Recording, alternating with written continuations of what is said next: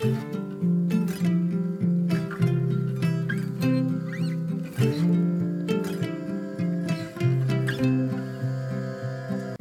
listening to the podcast for Health med Anna Sparre, a Swedish podcast, but since we sometimes have English speaking guests, we also do English episodes. This is the English version of episode 284. It's an interview with Dr. David Brownstein about iodine, where we discuss many very interesting aspects of iodine how to take it, and how to improve thyroid health, cancer, and COVID as well as other aspects of your health. There's a link in the episode information to naturshoppen.se where you find the form of iodine that we are discussing in this episode, as well as recommended forms of salt and selenium and food based sources of retinol, vitamin D, and C. Use the discount code SPARRE21, S P A R R E 1 at naturshoppen.se. For Swedish listeners, the previous episode, episode 284, is the main episode. That version of the interview has Swedish summaries and explanations to help you understand the subject even better. I do explain things a bit further in the Swedish summaries in the main episode, so I recommend you to listen to that version as well if you can. You can find more information if you go to forhealth.se or to facebook.com slash forhealth.se or go to Instagram where you'll find me as A Sparre, A-S-P-A-R-R-E. Please share this podcast episode on Facebook and to a friend if you like it. And don't forget to leave your review in iTunes. Thank you very much and enjoy the show.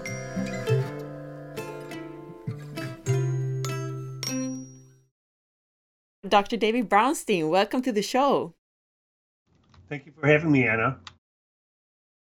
First of all, tell us about yourself and your background. How did you end up being an expert in iodine and the thyroid and holistic medicine?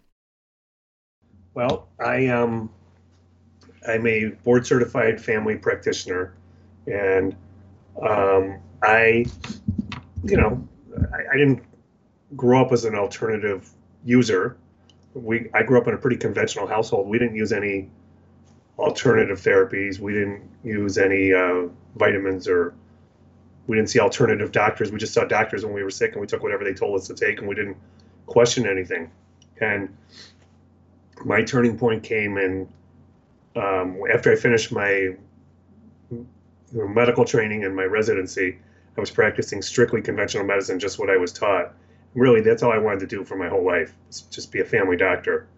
And around six months into that, I just became out of the blue. I developed some anxiety, and um, you know, I started to lose sleep for a few nights, and you know, it was unusual for me to have that. And I remember getting up after a few nights of that, getting up to get ready for work, and just blurting out to my wife, "I don't want to be a doctor anymore." And, you know, I was about six months into it, and she said, you know, what's wrong? You know, and I said, you know, I'm just not helping people. I'm giving them these drugs that aren't really helping them, and I'm having to use more drugs to treat the side effects on the first drugs. And um, I said, I can't do this for the next 30 or 40 years. And she said, Well, why don't you do another residency? And I said, No, one was enough of that. And they're all pretty much the same for what I wanted to do. So she said, What are you going to do about it? And I'm like, I didn't know at that point. And the short version of this is that I was given a book, Healing with Nutrition, by a patient. And it was written by Jonathan Wright, who's a allopathic physician. And, you know, I took that book home and I opened a chapter to cardiovascular disease. And the reason I read that first was my father was really sick with heart disease at that time. He had his first heart attack at 40, his second heart attack at 42. He had two bypass surgeries and numerous angioplasties and was on 12 medications for diabetes, hypertension, um, heart disease, and um, he he looked like he was going to die at any moment. He was pale and pasty, and no, he had no stamina. He was having continual angina for 20 years and popping nitroglycerin pills like they were candy. and he really couldn't do much. And I was just waiting for the phone call that he died at any moment. Um, so I read that chapter on heart disease, and I called my dad in the office the next day and did two blood tests on him. I checked his testosterone levels and his thyroid levels. And what I found was his testosterone levels were below the detectable limits for the lab. They were reading as near zero, and his thyroid levels were in the lower reference range of the lab. And based on what I read in the book, um, I put him on two things natural testosterone and natural thyroid hormone. And within seven days, his 24, 20 year history of angina went away. He never used another nitroglycerin pill. And within 30 days, his cholesterol stuck in the 300s on a very poor diet, went below 200 without changing his diet and his habits. And he looked better. He no longer looked pale and pasty. He looked pink. And he, he got his energy back and his stamina back. And I decided that's what I wanted to do in medicine. And I did a 180. And I started going to conferences and researching and reading. And, you know, I left the practice I was in a few months later and just started practicing holistic medicine and trying to use natural things to, to, you know, much more natural things than using drugs that poison enzymes and block receptors. And, you know, here I am nearly 30 years later and 16 books later. And, um, you know, that's how I got involved with everything. So from, from, um, you know, treating my first patient was my dad. I've treated, you know, thousands of others since then. And, you know, made medicine very enjoyable for me. That story with your dad is amazing. And also, I'm, so impressed. I thought I knew a lot about you. As I emailed you, I attended a thyroid summit some eight years ago or something.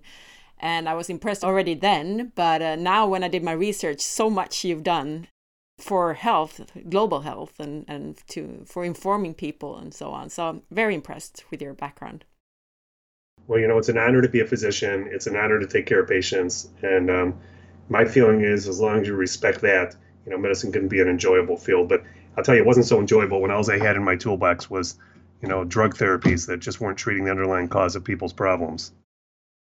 Yeah.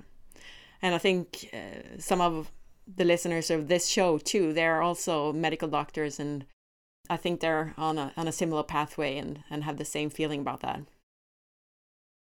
But from that, how did you get into iodine? Because many, at least in Sweden, we see you as the, the iodine expert. Well, I don't know about that. I'm still learning like every, everybody else out there. But um, I got involved with iodine because after treating my dad for thyroid problems, every patient that walked in my office got a full hormonal and nutritional evaluation, particularly with the thyroid. So in medical school, I was taught to check a TSH level, thyroid stimulating hormone level, and if it was abnormal, put them on a prescription for thyroid hormone. If it was normal, tell them it's not your thyroid and you know move on. So what I learned from my dad was there's much more to it to check than just a TSH level. I was checking free T4 and free T3 levels and thyroid antibodies and reverse T3. So so every patient got tested that way, and so I started finding all these patients who had thyroid problems that I you know wouldn't have found through using my conventional you know lens.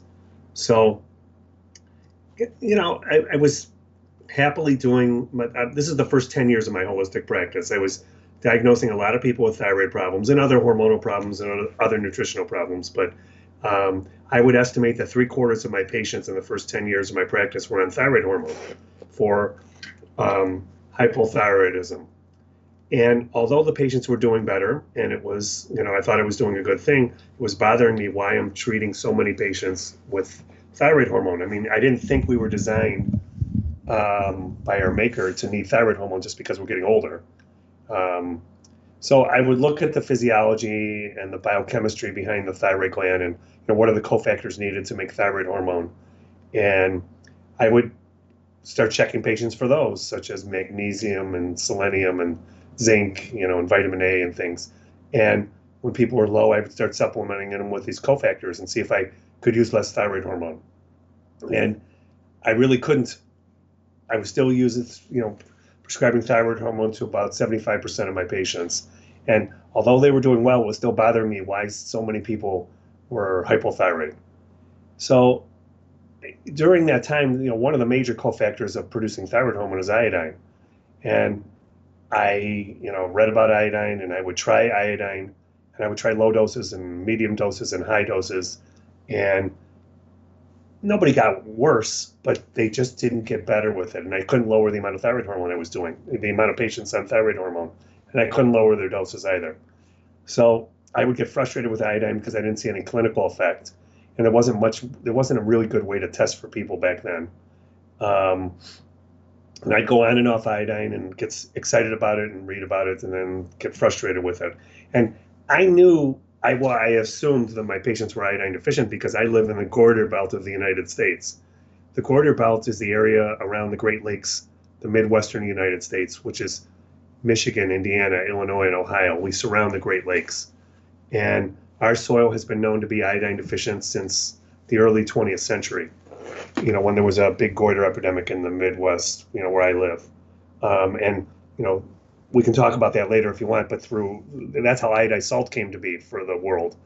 They, you know, figured out most people were iodine deficient in this goiter belt suffering from goiter, and they put a small amount of iodine and salt, and the goiter went away in the vast majority of people, and that's how we got iodized salt for the world.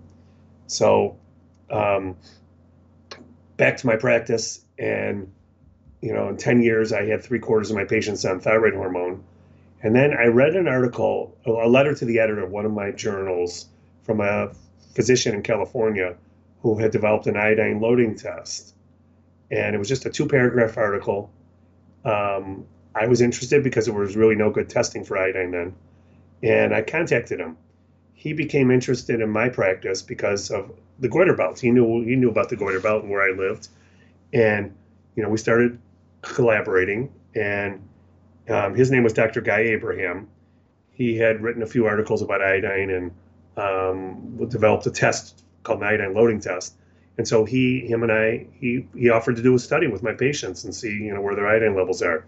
So when we did the iodine loading test, we found you know over 97% were deficient in iodine, most severely deficient in iodine. Dr. Abraham educated me on why the form of iodine I was using in my practice wasn't working and once I switched to using a combination of iodine and iodide, DIDE, the reduced and oxidized form of iodine, instead of just the reduced form of iodine, iodide, um, then my patients started to get better. And what I found over the next nearly 20 years is I went from three quarters of my practice on thyroid hormone to less than a quarter on thyroid hormone now. And I was able to lower the dose on the vast majority of people. My average doses of thyroid hormone are down well over 50% from where it was 20 years ago. Um, and patients are healthier for it. So, so I, the iodine started after, you know, I started checking everyone for thyroid hormone, you know, after treating my dad. And, um, you know, what I've found is that this 97 plus percent of people deficient in iodine has held steady and true over the years. And I've talked to practitioners around the U.S. and outside of the U.S., and they're all seeing the same amounts. In the in the U.S., our iodine levels have fallen over 50% over the last 40 years, and um, you know there's consequences for that. And so I started writing about iodine and um, writing articles and doing research with Dr. Abraham, and then I wrote my iodine book, which is you know iodine, why you need it, why you can't live without it, and it's in its fifth edition right now. And um, that's my that's my iodine story through the years. That's impressive from three quarters to one quarter of your patients. So, what does iodine do in the body? You mentioned it's important for the thyroid, but what does it do more than that? Well, iodine's an essential element we can't live without. Every cell in the body needs and needs and uh, requires iodine to function optimally. So, I mean, most people know iodine for the thyroid. They're they're not quite sure what it does, but they know it has some function with thyroid. But in the thyroid gland, the highest well, the thyroid gland has the highest concentration of iodine in, in the entire body. Um, and the reason for that is the thyroid gland makes thyroid hormone, which we can't live without. and uh, thyroid hormone is commonly known as T4 and T3. And um, the 4 refers to four atoms of iodine attached to the thyroglobulin molecule. And the T3 refers to three atoms of iodine attached to that molecule. So um, we can't live without iodine. And like I said before, you know, iodine levels have, you know, are, are low to start with in our soil, and and you know they have dropped lower over the last 40 or 50 years. So actually, our iodine requirements have gone up over the last few decades compared to our predecessors, not gone down. And um, it's not just the thyroid gland that needs iodine, it's all the cells of the body, but particularly it's concentrated in the endocrine glands. The endocrine glands refer to, horm- to glands that produce hormones. Hormones are substances that are released into the bloodstream and then travel through the bloodstream to find its receptor somewhere and then have its effect elsewhere. So those glands include the thyroid, the ovaries, the uterus, the breast, the prostate, the pancreas, and the salivary glands. So each of these glands concentrates iodine against a gradient, um, and its main job in those glands is to maintain the normal architecture of the glands. So if you think about it, um, the normal architecture is you've got a normal structure. It's it's just as it we were designed to be. In iodine deficiency in these glands, these glands start to get cystic. Um, so in all those tissues I just mentioned, you can get cysts thyroid, ovaries, uterus, breast, prostate, pancreas, and salivary glands. And if iodine deficiency goes on a longer period of time, those cysts become hard and nodular. And if it goes on longer, under you know biopsy and a microscopic appearance, it takes a hyperplastic appearance, which is a precursor to cancer in those tissues. And you know what's the uh, what's the Western world suffering suffering from? It's it's glandular problems, um, and particularly cancer of the thyroid, ovaries, uterus, breast, prostate, and pancreas. And, um, you know, in the US, we have one in seven women with breast cancer, one in three men with prostate cancer. Thyroid cancer is our fastest growing cancer. Um, we have epidemic increases of uterine, ovarian, and pancreatic cancer. Um, and um, my premise has been that the reason we're seeing this large rise of these diseases in these tissues is, you know, due in part or in large part perhaps, to iodine deficiency. And in animal test tube and human studies, the use of iodine has been shown to halt the progression from cysts to nodules, hyperplasia, and cancer, to not only halting it but reversing it. And um, so I think iodine, you know, has been vastly underutilized and vastly understudied in the Western world as we got too involved with, you know, using these medications, you know, and these prescription items that you know we've lost we've we've sort of lost the forest through the trees, um, so to speak. Yeah, I agree, and I think that cancer is one of the most interesting areas when it comes to iodine. I've heard so many amazing stories about breast cancer, especially, and iodine. Yeah, it's it's really important. The, the breasts are the second or third major site in the body for concentrating iodine, and um, you know, fibrocystic breast disease used to affect. Um, uh, I have a slide on this, of course. And the numbers aren't directly in my head, but I be, but I believe it was like three percent of American women uh, 50 years ago suffered from fibrocystic breast disease. Now the estimates are something like 75 or 80 percent. Um, and iodine deficiency could certainly explain this. And I've seen enough women with breast problems um, that when they when they get their iodine levels resituated, their pain and stiffness and you know nodules and even you know even in some cancer patients, you know they they really really helps to improve their situation and you know gives them a chance. But for fibrocystic breast disease, iodine it's not 100% a cure, but boy, it, it, it's it's it's a really impressive treatment regimen that you know treats the vast majority of women suffering from fibrocystic breast pretty quickly. Now we're talking about the endpoints, so to speak, that if you have severe iodine deficiency, you may uh, develop cancer, for example. But which are the symptoms you get from iodine deficiency earlier on? Well, you know, iodine is needed by every cell in the body. So it's needed by the immune system cells. I've used iodine to treat my COVID patients. Um, and um, so, what are the symptoms? You get a poor functioning immune system, you get more likely to get infections. Iodine has antibacterial, antiviral, antiparasitic properties. It's one of the reasons we use iodine to clean off the skin before a surgical procedure because iodine still kills, you know, nearly every pathogenic bacterium, you know, out there. Um, so people with who get sick, who, who have thyroid problems, who have other glandular problems. Um, you know, iodine also is needed for proper brain function. So, you know, uh, brain fog and fatigue and, you know, things like that also respond to iodine. I mean, the, the other big thing I see is the, the number one complaint I hear from my patients in my practice is they're fatigued. Um, and, um, you know, they're tired of being tired. Iodine, through its actions in the thyroid gland and the other glands, remember, you can't make any hormone in the body without iodine. That includes the thyroid and adrenals and ovaries and testicles. Um, but iodine is a wonderful treatment for fatigue. Um, and um, so, you know, it, it, the, the biggest, I always, when I lecture to physicians, I always tell them that the biggest bang for the buck that I've seen in my practice over the years has been the use of iodine by far. It helps more people for a, a variety of, you know, complaints, starting with fatigue, um, that um, nothing else comes close to that. Talking about iodine supplementation, then, you mentioned that we have less iodine in our foods today, but couldn't we get enough from the food we eat if we change to more seafood, for example? So there's a there's a couple of issues with that. So the, the highest the highest amount of iodine in the world is in the oceans. So you do get iodine from eating seafood um, and sea vegetables. However, just as in the human body, the seafood, the sea animals, and the sea vegetables have to concentrate iodine against the gradient.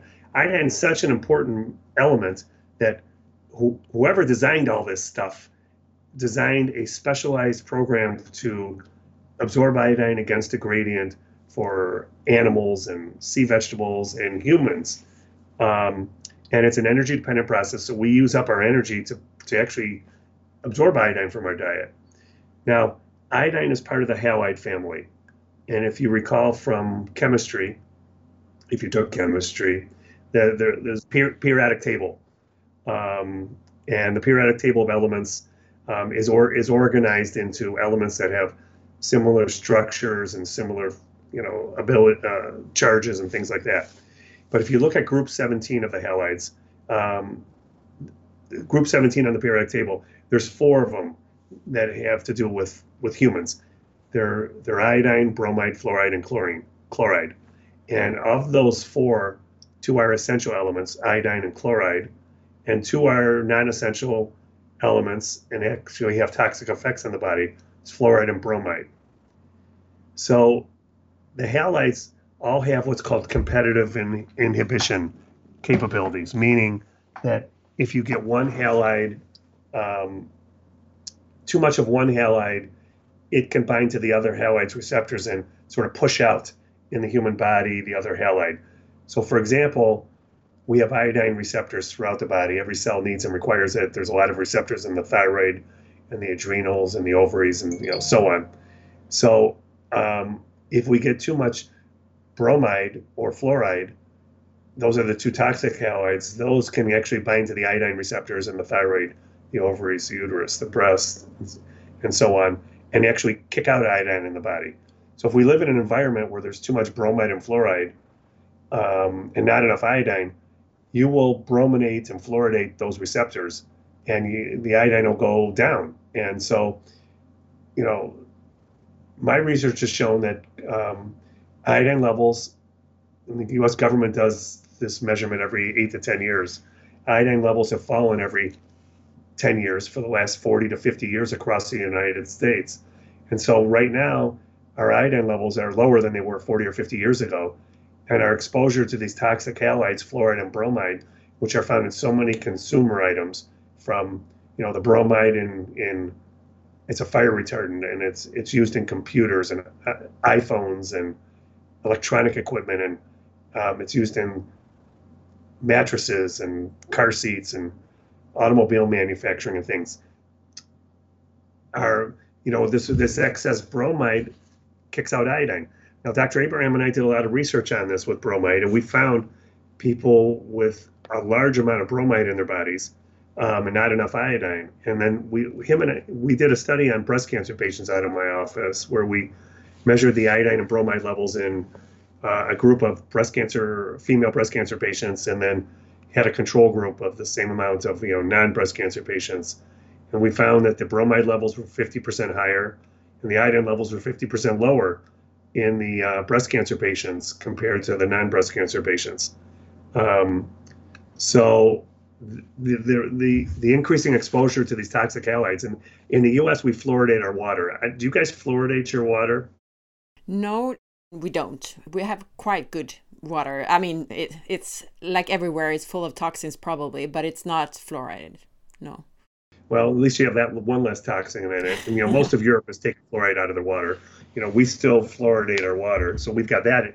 We've got that in addition to you know the excess bromide exposure, and so, you know, um, you know, I, I call this the iodine double whammy. The number one part of that double whammy is that um, our iodine levels have fallen over the last 40 to 50 years.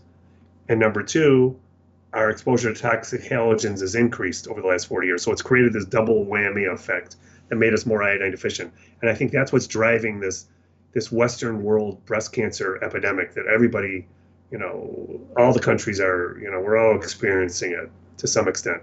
And, you know, it's not just that breast cancer, it's thyroid cancer, it's pancreatic cancer, it's ovarian and uterine problems. Um, so, you know, to get back to your earlier question, what about just eating more fish and seafood? Well, if we pollute our oceans with toxic halides like bromide and fluoride, which is what we're doing, the fish and the sea vegetables will also take up uh, toxic halides because they have the same sodium iodine symporter, the same mechanism of taking up iodine, and it can just get overwhelmed with toxic halides. So it's not so easy to just eat more sea vegetables because they're not the most um, they're not the most clean product anymore. Um, so, you know, unfortunately, that's our, our Western world and where we're at right now. And um, but you, what you can do is take iodine, and since since our exposure to these toxic toxic halogens have increased, you, my feeling is you can't get enough iodine from seafood anymore. I've checked enough people who try this and it's just I think people need to supplement with iodine to to get enough in to push out the toxic halides and to saturate their receptors with iodine.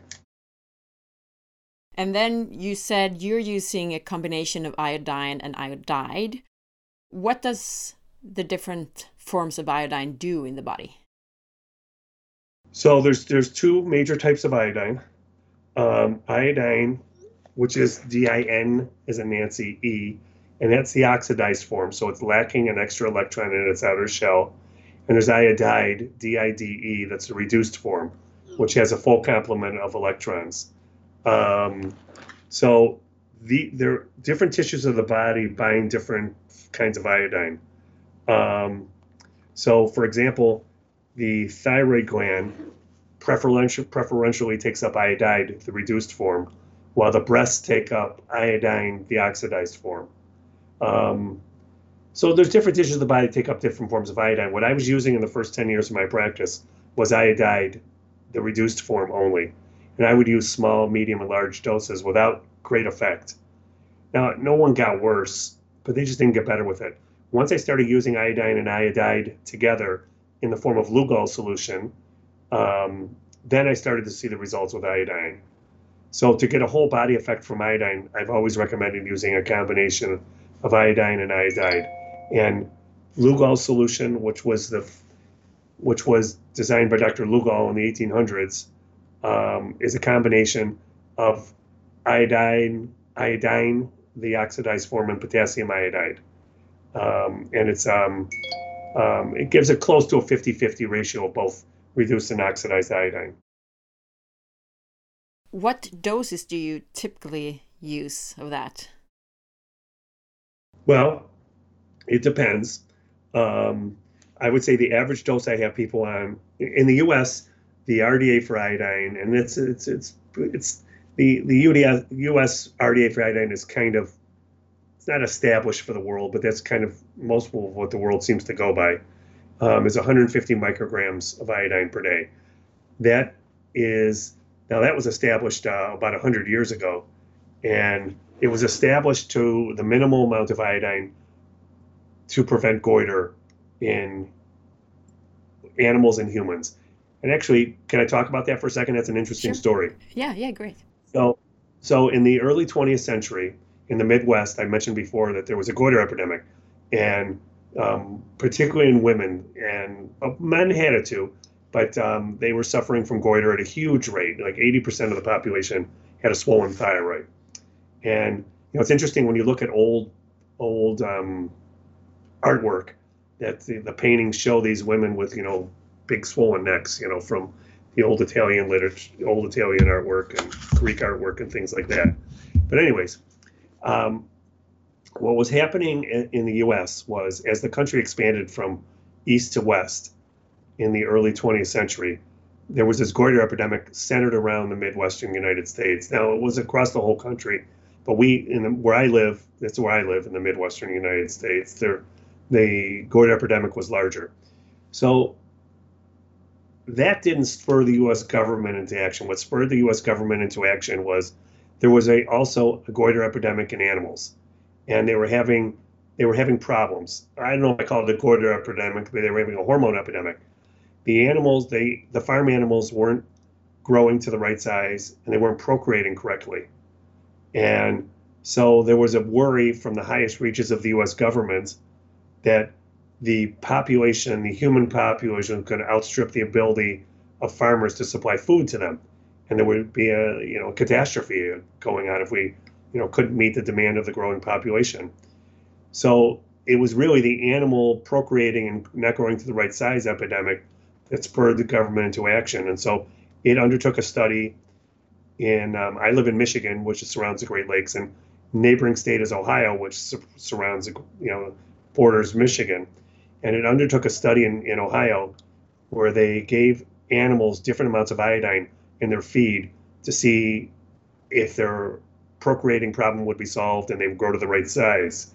The reason they did that stems, you know, stems back 40 years previously to that, where a researcher, um, in South America, wrote an article that uh, miners who had a goiter or swollen thyroid who went into a silver mining site and drank the water in the mining site, the goiter went away. So he looked at what was in the water and what, you know, how this swollen thyroid went away. And through doing some various research, he found it was the iodine and the salt in the mine that got in the water that caused that goiter to go away. So he wrote an article that said, if you're if you have goiter, you should take iodized salt. Um, so so from that article, move ahead 30, 40 years to the Midwestern United States, um, another researcher put different amounts of iodine in the feed of animals and figured out the minimal amount of iodine that corrected the procreating and um, glandular problems the animals were having. And um, from that, he estimated the minimum amount of iodine that humans would need, and they came up with 150 micrograms per day and they iodized salt to supply that. And so the first study was done in Ohio. They did a second study in Michigan right afterwards. They found the goiter epidemic went down from, uh, I don't have the numbers directly in my head, but 50 to 75% of people down to, you know, one or 2% or something like that. And um, from, from those results, the US government mandated iodine being added to salt in the form of iodide. And um, you know, the quickly the U.S. government recommended for the rest of the country, and it was hailed as the first public health miracle of, of uh, governments, U.S. governments. And um, it, it, at that time it was enough iodine to to get rid of goiter in the vast majority of people. Um, but in our toxic world today, it's not enough iodine to prevent all the glandular problems that we're seeing, and not with our toxic exposure to bromine and fluoride at such high levels. And from your story too, I mean, you shouldn't call it a recommended daily intake, more like a minimal daily intake. It's not an optimal daily intake, I'll tell you that. Yes. Well, it's a, it's the it's you go right. It is the well, it was estimated to be the minimal daily intake to prevent goiter 100 years ago, but that doesn't hold true today, and that's certainly not true today. Not with what I'm seeing. And um, unfortunately, goiters are still common and still normally seen. The problem, the reason you're not hearing about it is back then, doctors could diagnose goiter by using their hands and palpating the thyroid. Now doctors have lost their palpatory palpatory skills. They're not as good as they were 100 years ago because they were all these tests, ultrasounds and you know CAT scans and MRIs and things. Um, I happen to be very good at palpating the thyroid. I pick up goiter all the time in my practice, or swollen thyroid. And um, once once I um, start using iodine, that quickly goes down, just as the cysts in the breast go down, and the cysts on the ovaries and the uterus and pancreas and you know all the other glands too. So, what doses do you use for that? So, average dose of iodine for most people is 25 milligrams of a combination of iodine and iodide. Um, now, that's for 70 kilogram you know person. Um, for for a child or someone lower, I just dose them a little bit lower for their size. If they have established breast, thyroid, ovarian, uterine, any of the glandular disease, pancreatic, um, I, I, usually use more, starting with 50 milligrams and then going up. If they have cancer those tissues, I'll frequently use much more than that, you know, hundreds of milligrams. And um, I don't use iodine alone. I use it as part of a comprehensive holistic treatment regimen um, with other vitamins and minerals. So um, it works better when it's used as part of a holistic treatment regimen than using it as a solo solo therapy. Yeah. So, which are the most important cofactors to to use to supplement with when you take iodine? Well, the most important cofactor is salt. Um, you know, I was taught in med school that salt is bad. It causes hypertension. The lower the salt, the better. You know, zero salt is better than any salt. And um, what I wasn't taught was that salt in the form of sodium and chloride. You know, each of those items have. You know, if you burn the human body and the dry, you know, figure out the dry weight, there's over 100 grams of sodium and 100 grams of chloride in the body at any one time. You know, there's a lot of salt and chloride. We need a lot of salt. In fact, salt's the second major constituent in the body next to water. Um, so, the, the real benefit of salt is that it helps to usher the toxic halides out of the body, um, bromide and fluoride, and it supplies a essential item chloride that we need. Um, so when, when you give someone iodine, you know, particularly milligram amounts like I'm talking, if they're if their body is full of fluoride and bromide, that's going to get mobilized really fast and have to come out. And some people get a lot of people don't feel good when that happens. They get a it's called a detox reaction or a Herxheimer reaction, and um, they can get sick and flu-like symptoms and achy and headachy and not feel good as these toxic halides get mobilized. And then many times they have trouble getting the toxic halides out just because their detoxification pathways are just not functioning great because they've just got nutrient deficiencies or hormonal imbalances or you know they're just not optimally you know where they need to be. So salt helps to usher that out.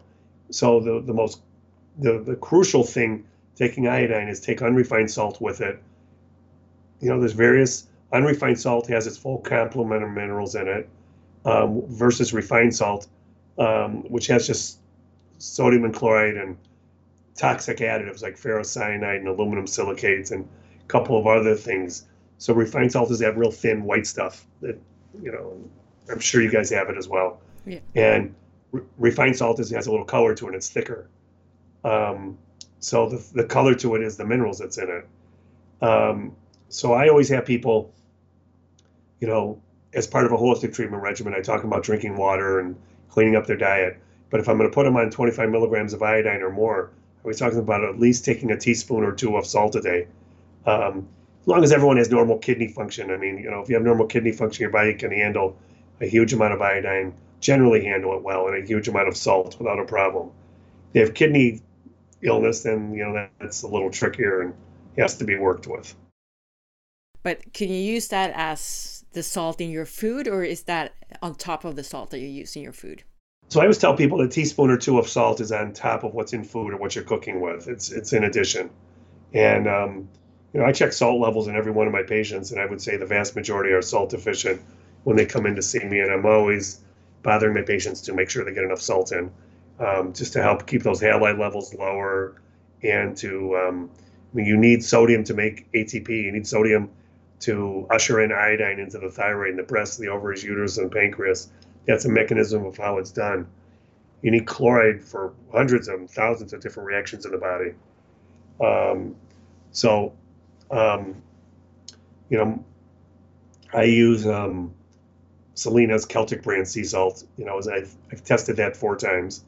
Um, Redmond's real salt I've tested four times. I don't know if you guys you should have Selina's probably. I don't know about Redmond's, but um, you know, salt's an important part of the body that we need, and it's been neglected over the years. I wrote a book on salt because it's so important. Yeah. So you use iodine, salt, and then I guess you use selenium, right? Because that's an important cofactor also to iodine.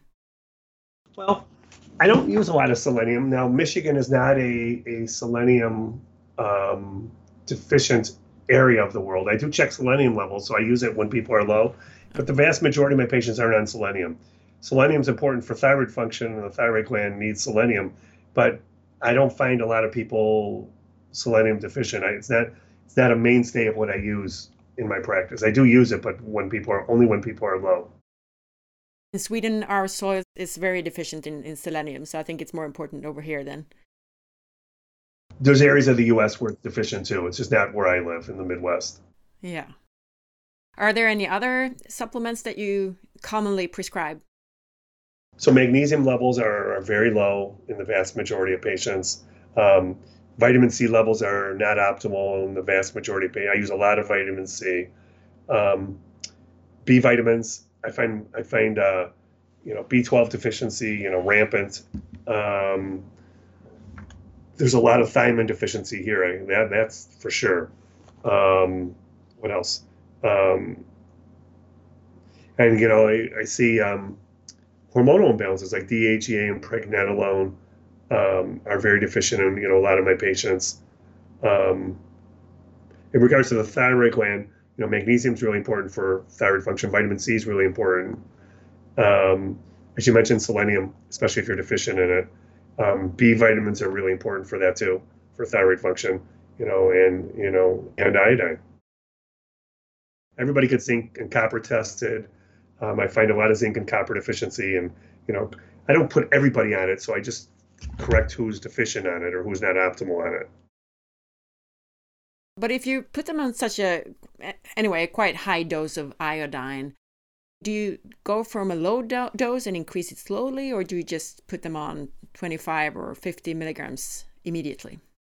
Well, I will start. I I have no problem starting people at 50 milligrams. You know, adults, um, if they have glandular disease like breast disease or ovarian or uterine or pancreatic or something where I'm going to use more, I usually start them at 25, put them on a teaspoon or two of salt a day, and then what other other nutrients they need, and then, you know, increase them over a, a very fast time period. Usually, if people can tolerate a milligram or two of iodine, they can tolerate anything 100 200 300 400 milligrams um, so if you know if after a couple days they're fine on whatever dose i put them on i just tell them to, to go up fast with it and usually the ones who can't, you know, we just have to go a little bit slower and then usually use a little bit more salt and, you know, hydration and vitamin C and things to help them.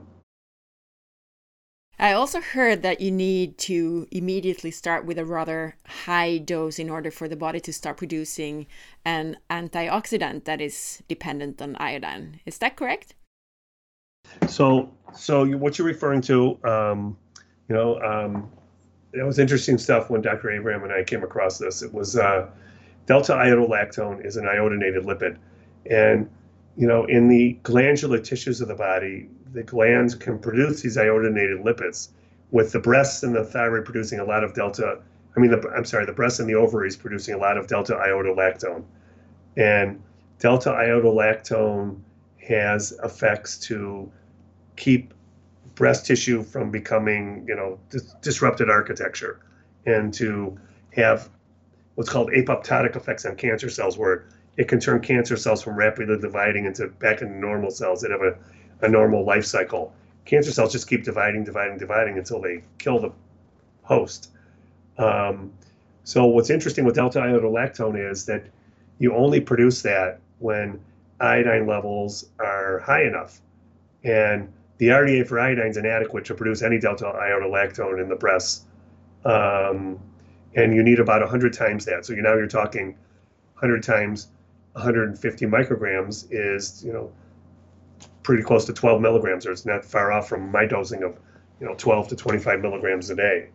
Um, then you can start producing these these iodinated lipids that actually protect the glandular tissue. So the RDA for iodine is just inadequate, and um, it's inadequate for a few reasons, like I previously mentioned, but it's inadequate to protect the glands against, you know, turning cancerous. And I think that's why we're seeing this epidemic of breast, ovarian, uterine, pancreatic, thyroid cancers that are going on right now. Very interesting. Also, about supplementing with iodine, do you take it with or without food? I don't think it matters much. In most people, it's well absorbed either way. So I don't make a big issue out of it. Okay. But are there any other stuff in the food or vitamins or anything that could affect the the forms of iodine? I mean, to reduce it maybe if you take it with. The only thing is, if you're, you know, look, if you're going to take it with bromide or fluoride, uh-huh. um, competitively inhibit. But no, other than that, food should be. I don't find a big issue with what they whether to take it with or without meals or before or after anything like that. Okay.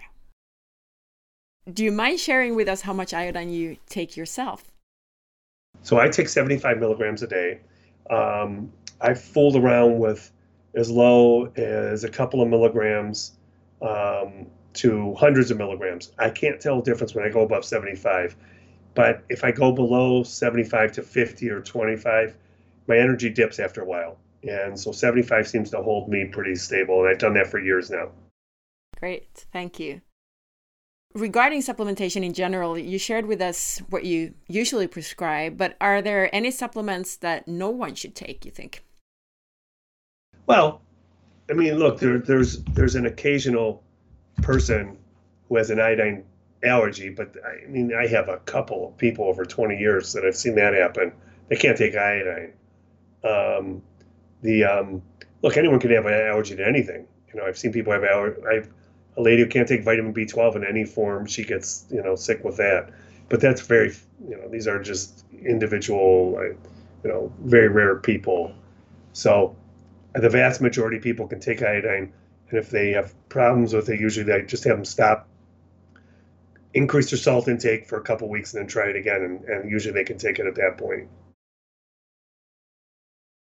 Regarding the iodine and the thyroid, Many of the thyroid patients that I see myself, they have antibodies. Is their hypothyroidism still connected to iodine? I mean, one of the life tales that's in conventional medicine, it's it's it's also infecting holistic medicine as well, is that if you have an autoimmune thyroid problem like Hashimoto's disease, you can't take iodine. And it's just simply not true. That's just not my experience and it's not true when you look at the literature either. Now there are some studies that show that iodine, you know, can cause an increased TSH level, or and people will use that as, as evidence that you shouldn't take iodine if you have Hashimoto's disease or a thyroid problem. But that's nonsense. I explain that in my book very clearly that um, one of the first things that happens when an iodine deficient patient takes iodine is their TSH goes up for about six months. And the reason the TSH goes up is because TSH stimulates the production of sodium iodide symporter, which carries it's a taxi cab that carries iodine from the bloodstream into the gland, across you know, and from a from a higher concentration in the bloodstream to a lower concentration in the gland. And it's an energy dependent process. You need a sodium molecule to to to usher that in, sodium atom to usher that in. Um, you use up an ATP molecule when you do that. Um, so it's a normal and expected finding when you put someone on iodine, their TSH goes up. Now, in the case of Hashimoto's disease, um, my experience has been that if you Hashimoto's, and it's not just my experience, as my research has shown from the medical research, Hashimoto's is an iodine deficiency syndrome. It's caused from iodine deficiency, and the treatment for it, therefore, is iodine in conjunction with a holistic treatment regimen of vitamins and minerals such as B vitamins and magnesium and you know vitamin C. Um, I've treated hundreds and I've got five practitioners in my office. We're all seeing the same thing. Hashimoto's titers get better when they're on iodine. If they're young, the usually the titers can go away and they you can show no signs of Hashimoto's after a while. If they're middle aged and up, many times it doesn't go away, but their titers come down in half and they just kind of get stuck. but they feel better. And um, so, you know, I have a I have a long chapter explaining this in my thyroid book. And um, the other the other line of evidence I would say that iodine deficiency causes Hashimoto's is very clear over the last 50 years in the United States. As our iodine levels have fallen, Hashimoto's disease and, and Graves' disease, which is another autoimmune thyroid problem, have increased dramatically. That's a negative correlation. A negative correlation between those two disproves iodine as the causative factor of Hashimoto's or Graves' disease. It's just not true. And there should be an exclamation point at the end of that sentence because that just proves any idea that iodine causes Hashimoto's disease or is the is iodine is the cause of the Hashimoto's epidemic we're experiencing. It's not. It's the it's it's iodine deficiency that causes it. And um, you know, I've, I've written many articles about this and you know, a long chapter in my book about it, but it's it's iodine treatment that helps reverse it. I'm just gonna highlight what you just said there because I think, especially with Graves, like hyperthyroidism, I think people are very hesitant uh, to taking know, iodine. They're so, hesitant. Yeah, They're they're hesitant because we, you know, we don't get. It's it's like this. Um, it's it's like a wives' tale that keeps getting, um, you know, repeated, and you know, if you you know, iodine causes Graves' disease. Well, if that's the case, then how has Graves gone up over these years? When iodine levels have fallen 40 or 50 percent. And and anyways, I've, I've treated Graves' disease with iodine for years. And if you look back in the old literature from 100 years ago, there's many case histories of doctors using iodine to treat Graves' disease. I got a whole lecture on this that I talk about. And um, does it cure everybody from Graves' disease and Hashimoto's disease? No. Does it make people worse? Unless you have an autonomously functioning nodule, which is very rare, but those are not small areas of the thyroid nodular areas that are have lost control with with the thyroid gland and the you know and, and the control mechanisms of making thyroid hormone. And when you give iodine to those people, that nodule takes up the iodine really fast. They make a lot of thyroid hormone, and they get hyper. Those people are few and far between. I've seen a couple of them over 25 years in my practice. They can't take iodine. The vast the vast majority can, and I've treated we don't find Graves in our practice hard to treat because we use high dose iodine as part of a holistic treatment regimen, and they get over Graves this way. So when people are talking about antibody flare-ups, that's just nothing you really see in your practice. Well, occasionally we see we see antibody. I'm not so concerned with antibody flare-up. I'm more concerned with how they're feeling. So so as long as they're not getting hyper and feeling worse, and, and as long as they're feeling better, you know, we're on the right track with things. Do I see antibody flares with iodine in Hashimoto's disease? Occasionally, but it, it's it's few and far between. It's less than I don't know two percent. One percent. I don't know what it is. It's it's very low. And even in those patients, as long as they're feeling good, I will usually give them more salt, more iodine, more vitamin C, and the antibody flare will go away, and it'll, it'll eventually come back down again, if they're middle aged and up, it'll come down in half from where they started. If they're young, you shouldn't get it to go away. I have two daughters who have Hashimoto's disease. That's how I treated them. Um, one has no signs of Hashimoto's. The other one barely even present now, where their their titers were in the high hundreds. You know, when they were young teenagers, and, um, you know their periods straightened out. They feel better, and um, you know now they're in their mid twenties and you know still taking the iodine how about a person who has normal TSH and T4 levels but is low in T3? Is that related more to other aspects than iodine, or uh, what well, would you say? So T4 is the inactive form of thyroid hormone, and it has to convert into T3, the active form of thyroid hormone. And there's a enzyme called deiodinase that helps to cleave that iodine atom off there to activate the thyroid hormone. Now, what you're referring to is um, um, I call it poor T4 conversion. You know, uh, um, they can't convert that T4 into T3, and they can't get their active thyroid hormone up. Now, the most common cause for that is iodine deficiency by far, mm-hmm. but selenium deficiency, um, B vitamin deficiency, um, um, magnesium, zinc, you know, other things can slow that conversion down as well. So that's where it's part of a holistic treatment regimen helps this whole process. Sometimes I use T3, but I don't use it very often. I, if you correct the nutritional and biochemical abnormalities, usually that's, that, that situation will resolve itself. And speaking about that, what's your opinion about thyroid medication? Many persons are on synthetic T4. Is that a good way to go? Before I started using iodine, I and in my thyroid book, and I've written a lot of books. I like writing books. Um, I wrote that um, in my Overcoming Thyroid Disorders book that um, natural desiccated thyroid hormone seems to work better than the T4 derivatives like synthroid and levothyroid. And um, so I, I, still believe that, except that once I started using iodine and iodide in the right in the right form and the right concentration, I didn't really find it mattered which form of thyroid people use, whether they use T4 or desiccated thyroid or T3. They all seem to do better when they get an iodine. So I don't, at this point, I don't think it matters that much, you know, which form of iodine they use. I'm sorry, which form of thyroid they use, you know, thyroid yeah. hormone they use. Yeah, yeah. You mentioned your books, and I know you also wrote a book about cholesterol. So, my question here is how cholesterol levels are linked to the thyroid. Well, so that goes back to my dad.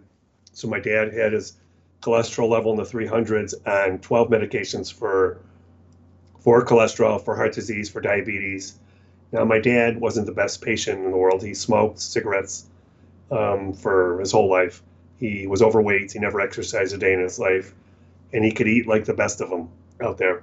Um, and um, so when I when I um, read that book, read that chapter, and drew the blood test on him, I put him on two things: natural testosterone and um, natural desiccated thyroid hormone.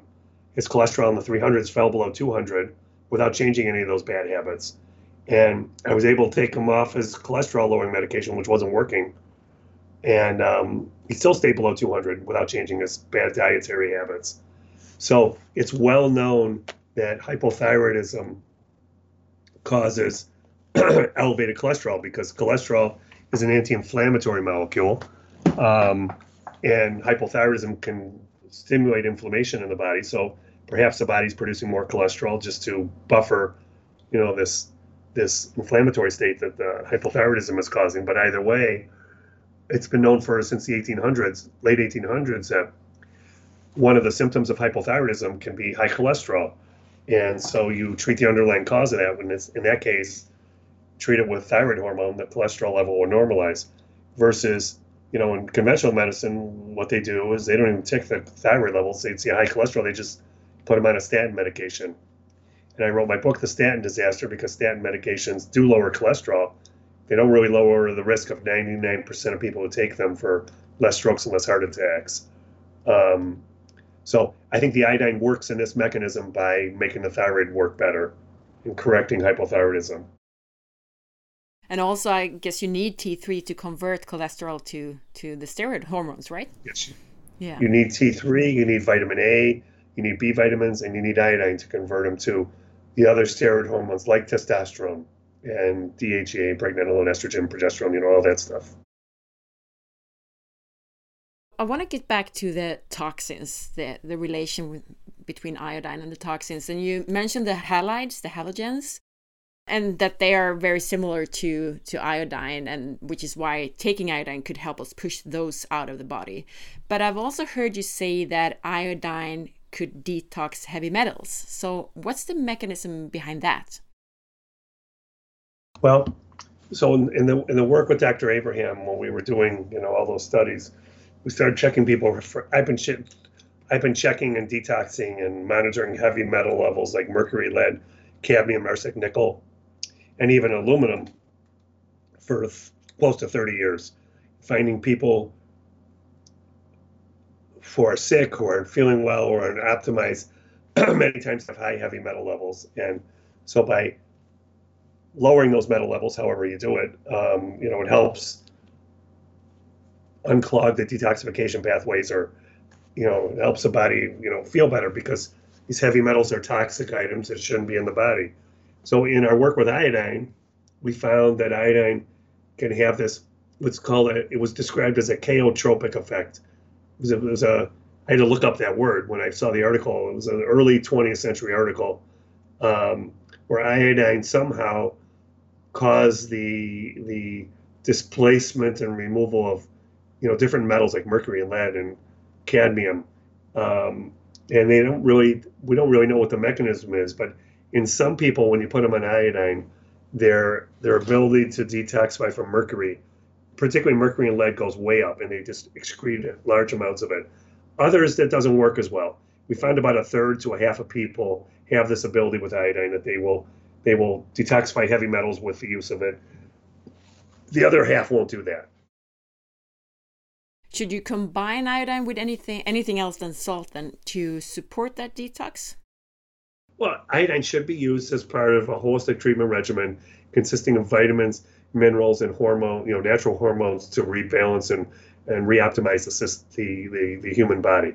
So I, I, treat everyone as a unique biochemical individual. Everyone gets a whole big blood and hair and urine analysis when they come in to see me, and then we just try and correct as many things as we can. And um, so it's different for different people. There's no there's no one. I would say, you know, my partner uh, Dr. Ing and I talk all the time about you know people doing the basics, and the basics can be considered sort of universal for people. And you know, the basics are eat a good diet, free of refined sugar, and you know, and, and get get pesticides and insecticides and hormones out of the diet. Um, drink enough water to maintain optimal hydration. Get enough salt to maintain optimal salt levels, and iodine is part of that that that thing too. You know, sort of the basic thing that people can do to improve their health. That I, I think nearly everybody could do to improve their health. As far as the rest of it goes, it's just individualized at that point, depending on what people's individual needs are. I'm just thinking that if you start a detox, like the body's trying to get rid of mercury, for example, should you maybe use something that could bind that, some kind of bentonite clay or, or chlorella? Or, yeah. Well, well, if you're going to mention bentonite clay, my dear, um, I have checked various clay products for the heavy metal content. Every single one of them has high metal levels. So I am not so sure it's a good idea to take this clay stuff internally. Um, you know, we think about what clay is there for. Clay is there to bind, you know, in the soil you know where they get it from. And it, you know, we're, we're, the whole Western world is polluted right now. So every clay product I've tested has been loaded with metals. This started from a lady that I saw in my practice, um, who was a ate a vegan diet. She was uh, I don't know around 50 years old. She looked fabulous, you know, really nice, nice, healthy appearing lady, and um, you know she was taking um, it was a clay from. Uh, Romania. Some, you know, they, they claim they get it from some mountaintop in Romania that's pure, something like that. And um, when I did her when I did her hair testing and her urine testing, her heavy metals were just through the roof: mercury, lead, cadmium, arsenic, nickel. I mean, I I don't see levels like that in the vast majority of people. Hers were off the charts, and she looked okay, and she was she had some issues that she wasn't feeling good, but I, I it was unexpected.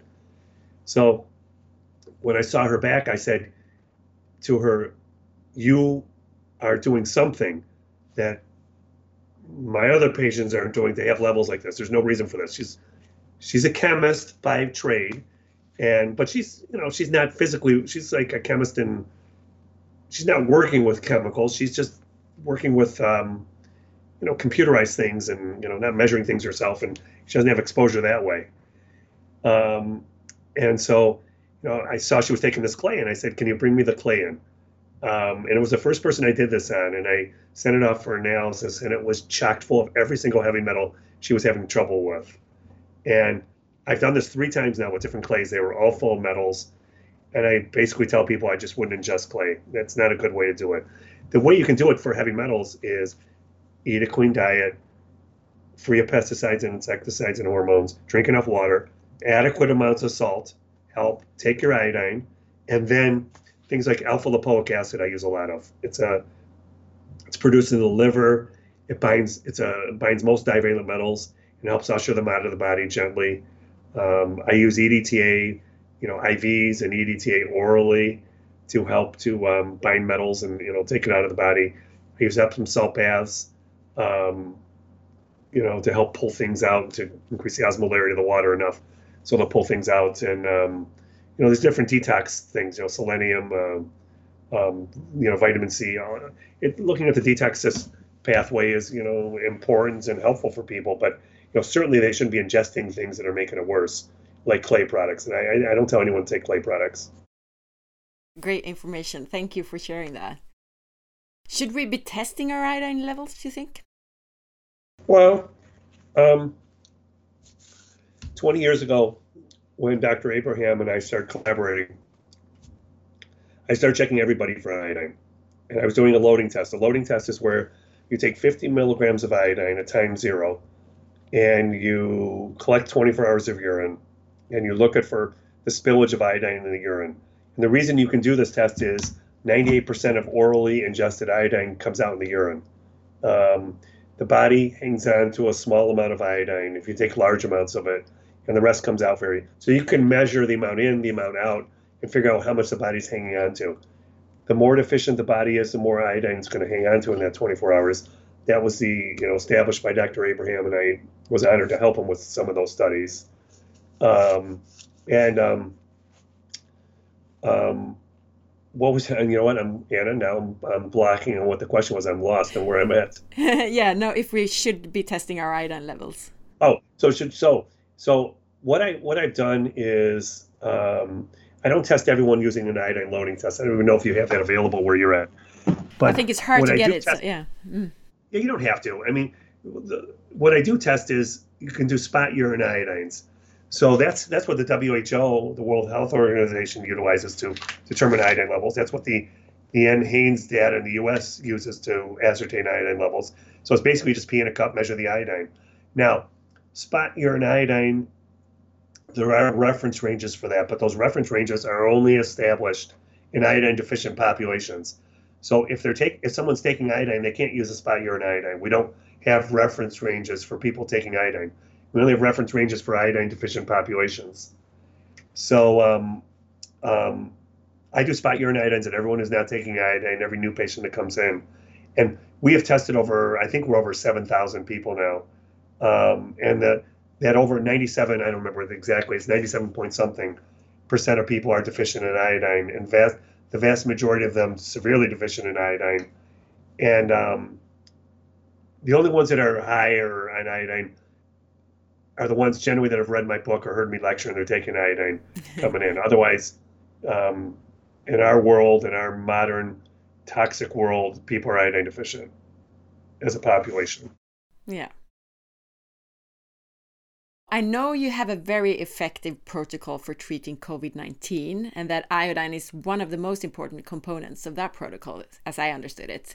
So please tell us more about iodine and COVID. So when COVID started, um, um, you guys have still been open this whole time, right? Yeah, uh, more or less. Are we? Are you guys? I you know I follow this. I follow Sweden. You know, I, I I look at the numbers and stuff. Are you guys generally happy with how it's turned? You know how it's turned out there. What's the mood? What's the I think it's it's split the society very much. So there's one part that's like because we do have limitations in in how we can you know we we can't go to restaurants and stuff like that. Um, well, we can, but you need to have like ten square meters per person or something like that. Um, so it splits the society into one part that's really against all those restrictions and one part that's that thinks that we are doing too little and, and too late. And so, yeah, we, we have a lot of deaths right now. The numbers have right. gone up. So it's, it's, the society is split here as well. And, um, you know, in Michigan, where I live, we have a very restrictive governor. We've locked down, like, we've been locked down for about a year. And um, it's, it's severely locked down. And we just had a big burst of COVID. And Look, I've been treating COVID from the beginning of this. And you know, I've been going outside in the middle of winter and giving IVs to patients, and um, you know, it, it's it's been you know, not not the the best time in medicine that I've had. Um, but you know, when when COVID came around, I wasn't. I remember I had a meeting with my staff, and I said, "Look, you know, we're staying open. We're going to treat people, and um, you know, we've got a good treatment plan. We've been treating flu-like illnesses for 25 plus years, using the exact same protocol over this time of, you know, an oral combination of vitamin A, vitamin C, vitamin D, and iodine, and then IVs of hydrogen peroxide and and um, vitamin C and ozone shots. And our patients don't get sick, they don't get hospitalized, they don't die anywhere near what the reported rates are.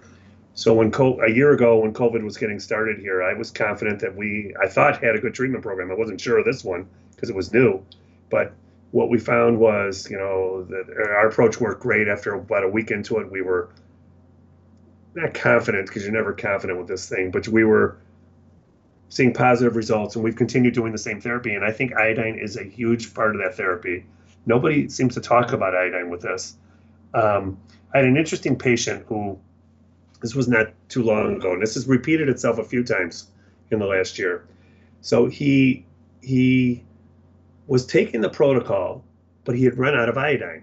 So a bunch of my patients have read what I've written until you know I got my website shut down, you know, by the whatever. We don't have to get into that, but um, so they had they had the right vitamins at home, and they they were ready to go with this therapy if they got sick and he this patient was one of them, and so he was taking everything, but he ran out of iodine, and he had, he had run out before the, the, the illness started. So he was taking vitamin A, vitamin C, vitamin D at high dose, and he was nebulizing hydrogen peroxide at home, and he was getting sicker and having more breathing problems. So when he called me, and I said, "Are you taking the protocol?" He said, "Yes." I said, "Boy, that's really unusual. When people started early, they usually don't get you know that severe shortness of breath that you're getting." And I said, Are you sure you're taking all four things? And he says, Well, I'm taking three of the four. And, you know, he was lacking iodine. I said, Why aren't you taking it? He goes, Well, I didn't have it. So he, so I told him, Look, that's an integral part of this. So he, his wife came up, picked up the iodine, and he, he did a nebulizer treatment with iodine and he took it orally. And he said an hour later, after doing those two things, his lungs opened up his fever went down. He was able to feel much better, and he said that was the kicker for that moment that he, you know, made all the progress with it. And that story has repeated itself a few times over the last year. So I think iodine is a big part of this therapy, and I think it should be part of any, you know, infectious treatment regimen since there's no virus, bacteria, parasite that's been shown to be resistant to iodine. Wow. And I think I heard you talking about this on, I think it was Dr. McCullough's show. And um, yeah, I was very impressed because you said you, you've been treating hundreds of patients the past year with COVID, and your results are amazing. Yeah, we have a few hospitalizations, no deaths in our patients. And, um, you know, we're over 300. I'm guessing, I haven't added them up yet. I wrote a paper on 107 patients. Um, but now we're up, I believe, over 300. You know, especially after the last month. You know, with the the misery that happened in Michigan. You know, that's now seeming to end. Um, you know, look, this misery happened even though we were locked down, and um, so I, I don't know. You know, I got my own thoughts on whether lockdowns work or not, but you know, I think that the the biggest mistake we made in this in the United States with COVID was we were told there's nothing you can do, and you know, stay in your house, wear your mask and social distance, and wait for the vaccine. And the consequence of doing that was, you know, we have over 500,000 dead, and we got all this misery with COVID here. That's instead of trying to actively treat people and get their immune system working better. Because I never claimed my therapy treated COVID. I claimed it just helped the immune system function better, treated anyone with any infection or any stressor in the body. And, um, you know, I did the same with COVID as it's done for influenza-like illnesses and you know other infectious illnesses in the body. Did you say that they closed down your web page because of you getting out with this information? So a year ago, when COVID started, you know, I was as scared as anybody else out there. Let me tell you. You know what? I saw the reports out of China. I saw the reports out of Italy, and um, um, you know, I am not the best patient to get COVID, which I, I did get COVID and I recovered from it.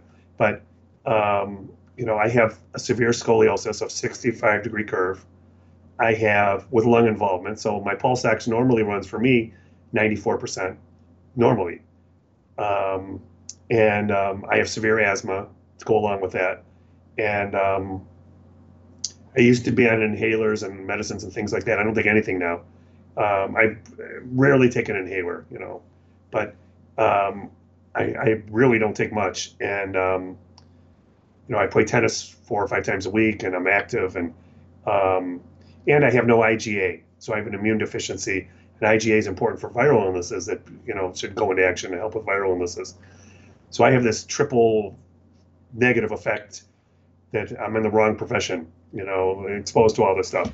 So, you know, I was as scared as anyone else, but you know, I, I felt it was my duty to treat people and to do the best we can do. And we had a therapy. I thought our therapy would help strengthen the immune system and help people. And you know, it it played itself out. And um, so I when it was so back a year ago in the United States when COVID started in March of 2020, um, Michigan, where I live and practice, was one of the most. We were the hotbed. We were the hotspot, um, along with New York City and a few other areas and our hospitals were overflow were starting to overflow, and there was worry that the ICU beds were going to overflow, and you know, the, you know, the the modeling out of uh, London showed you know we'd have huge amount of deaths from this.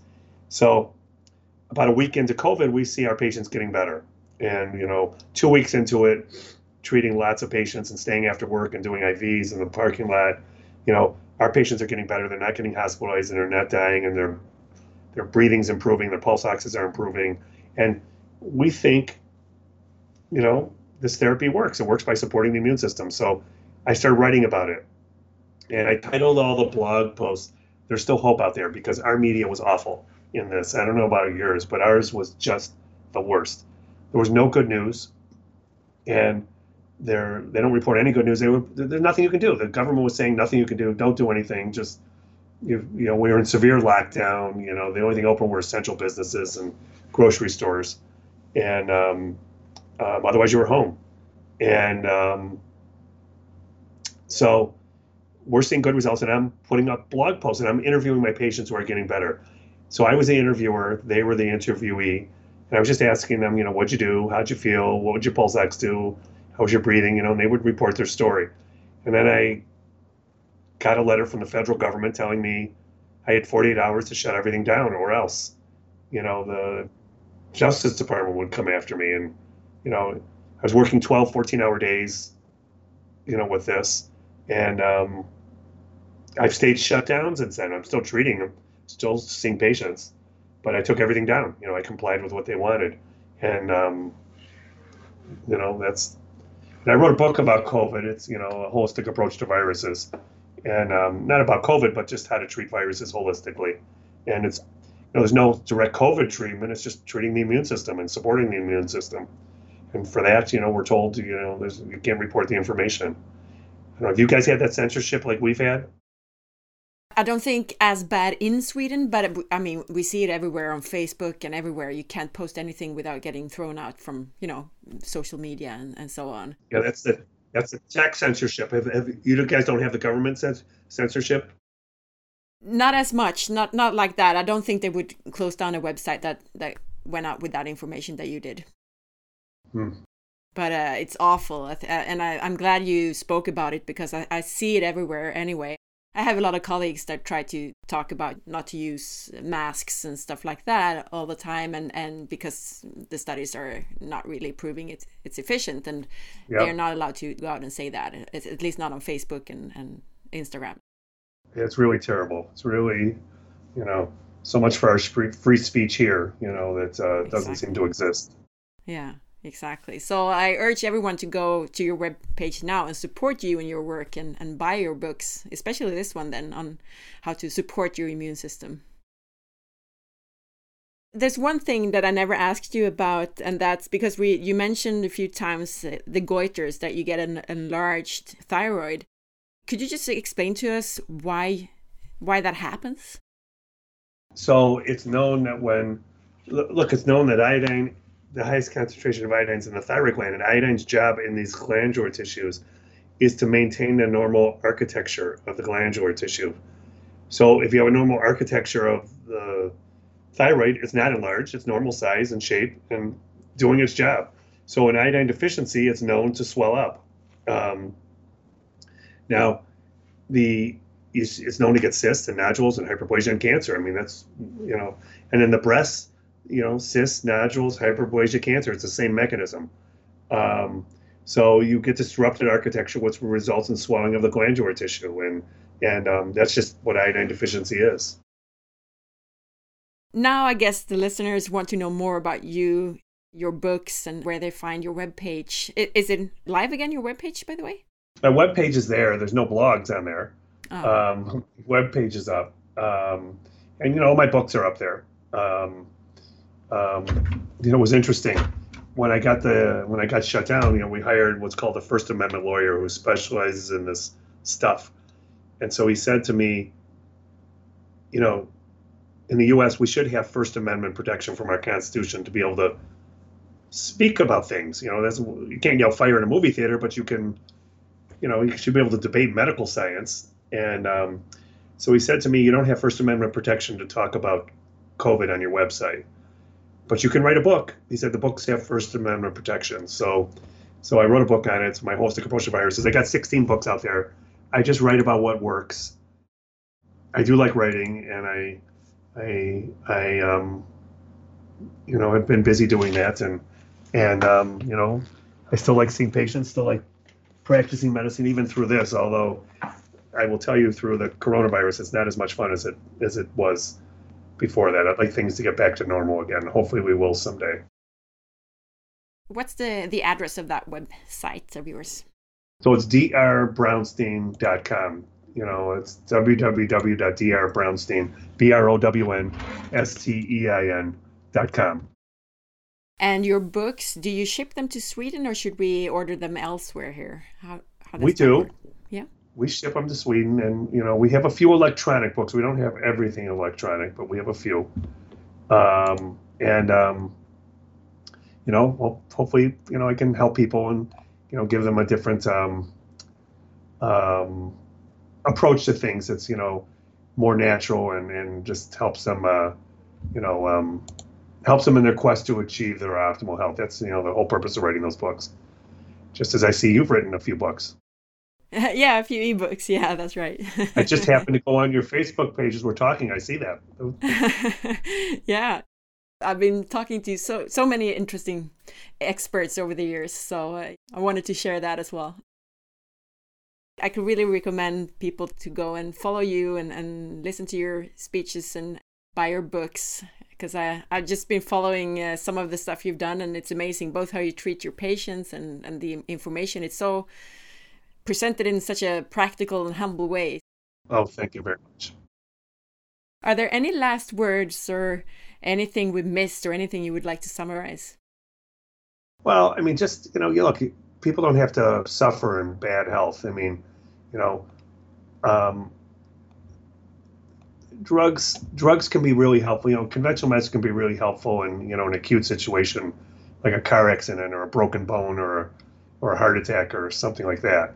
But in, in chronic long-term care, you know, holistic approaches, I think provide a better a better way for things. And um, you know, everything that I've written, every book that I've written, I it's what I see in my practice. And um, the you know, I'm looking at the biochemistry, I'm looking at the physiology, and what can optimize it. And generally, if you're optimizing biochemistry and physiology, people are going to do better. And you know, and since we talked about iodine a lot, iodine does help optimize physiology and biochemistry, and um, you know, it's it's really the most. If if if the government came to me and said, you know, you can't do your practice anymore, but we'll let you do one thing, your your choice, I would just say, fine, let me do it with iodine, because that gives the the the biggest effect for anything that I've seen out there. Thank you so much for all of this information. It's been great speaking to you today. Thank you for having me, Anna.